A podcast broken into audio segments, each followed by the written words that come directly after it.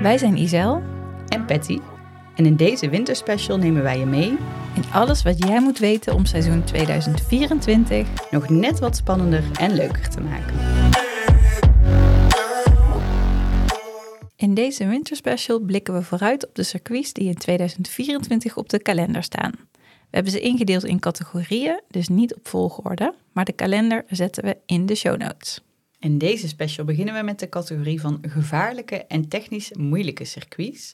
Daar hebben we er eh, twee van op de kalender in 2024. En uh, één daarvan is Saudi-Arabië. Daar uh, racen we in Jeddah.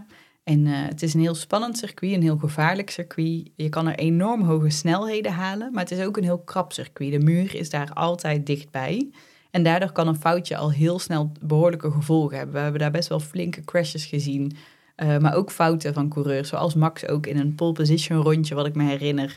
Uh, waar die dan net een even kwijtraakte. En dan ben je eigenlijk daar uh, meteen al klaar. Je kan het heel moeilijk corrigeren. En het komt voor mij over als een circuit waar je geen één seconde eigenlijk je rust kan hebben als coureur. En de vorige special hebben we het al over de stratencircuits gehad. Jeddah is er daar ook eentje van. Dus die hadden we ook in die categorie kunnen behandelen. En heeft, je kan helemaal niet ver vooruit kijken daar in Jeddah. Hè? Dus soort heel veel blinde, bochten. ja. ja, klopt inderdaad. Dus je ziet heel vaak niet wat er voor je gebeurt. Wat ook deel is van waarom het zo gevaarlijk is. Want als er een coureur ergens uh, stil komt te staan bijvoorbeeld... dan heb je dat als... Ja, dan moet je natuurlijk heel goed op de vlaggen letten. Maar als je er heel dicht achter zit... en marshals eigenlijk nog niet hebben kunnen reageren... dan moet je daar echt heel erg alert op zijn inderdaad. Dus het lijkt mij verschrikkelijk om er uh, te rijden. Maar het ziet er wel heel vet uit, vind ik.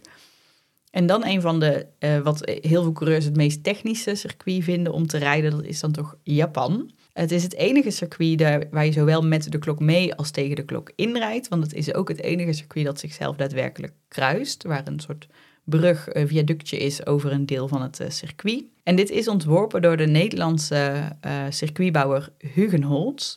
Die had eigenlijk in het originele ontwerp zelfs bedacht om drie keer eh, de baan zichzelf te laten kruisen. Maar daar heeft iemand toch een stokje voor gestoken. Het is ooit gebouwd als een testcircuit voor Honda. En er zitten dus veel lastige bochten in, waaronder de bekende Japan S's. En waar je hoge snelheden ook weer kan halen. Dan hebben we de klassiekers, zoals Silverstone. Dat is gebouwd op een voormalig vliegveld en de allereerste Formule 1 kampioenswedstrijd werd op dit circuit gehouden in 1950. En sindsdien heeft het eigenlijk altijd op de kalender gestaan en het is ook een hoge snelheidscircuit met iconische snelle bochten. Dan België, Spa-Francorchamps. Dit is de langste baan die 7 kilometer en 4 meter lang is. En uh, vorig seizoen is op Spa de Nederlandse coureur Dilano van het Hof overleden. In de geschiedenis zijn er, zijn er veel dodelijke ongelukken geweest op dit uh, circuit. Het is een heel uitdagend circuit met veel hoogteverschil en het regent er ook vaak. En Eau Rouge Radion wordt ook wel de bocht der bochten genoemd. Dan Monaco, uh, ook een stratencircuit. En heeft een aantal iconische plekken, zoals de tunnel waar ze doorheen rijden en de Fairmont Hairpin. Inhalen is hier heel lastig, dus uh, het is heel erg belangrijk hoe je kwalificeert. Meestal wint ook degene die van pol vertrekt. Er is ook maar één DRS-zone en die is bij start-finish. En dan Monza, wordt ook wel de Temple of Speed genoemd. En in 1971 werd hier de snelste race ooit gereden met een gemiddelde snelheid van 242 km per uur. En maar liefst 80% van dit circuit is vol gas.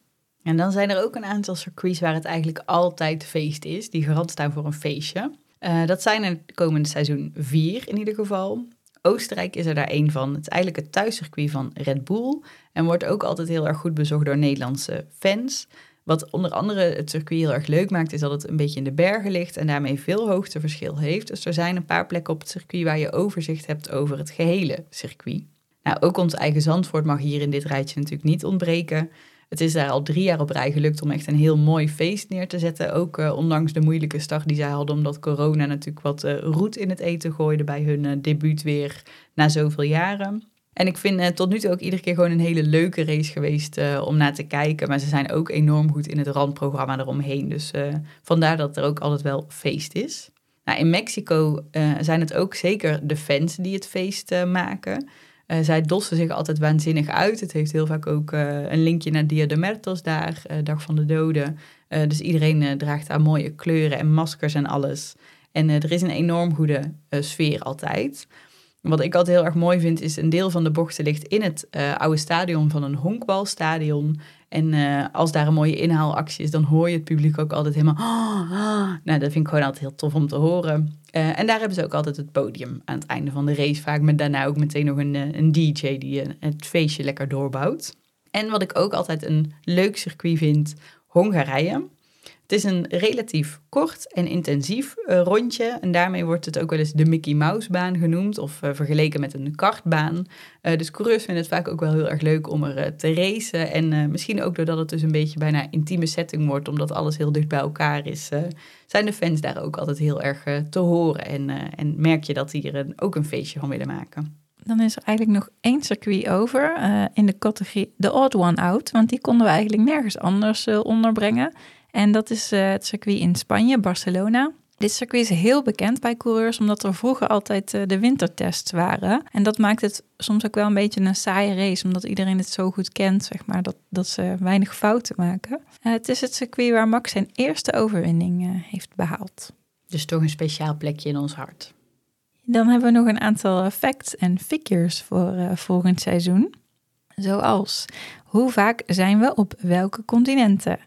Uh, tien keer zijn er Europese races, twee keer in Zuid-Amerika, drie keer in Azië, vier keer in het Midden-Oosten, vier keer in Noord-Amerika en één keer in Oceanië.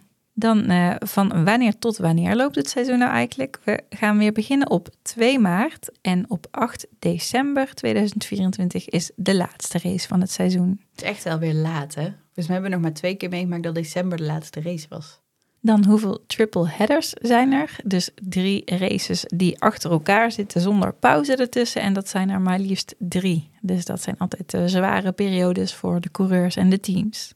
En wanneer is deze keer eh, de zomerstop? Die zal dit seizoen zijn van 28 juli tot en met 23 augustus. Dus wil je alle races uh, live kunnen zien, uh, zorg dan dat je dan lekker op vakantie gaat. Um, daarnaast is er ook nog wel een keer een wat langere stop voor Las Vegas. Maar dat heeft volgens mij meer te maken met dat schuiven van circuits wat ze dit jaar hebben gedaan voor de regionale spreiding. Uh, en om inderdaad het, uh, het reizen voor de triple headers ook iets behapbaarder te maken voor de teams.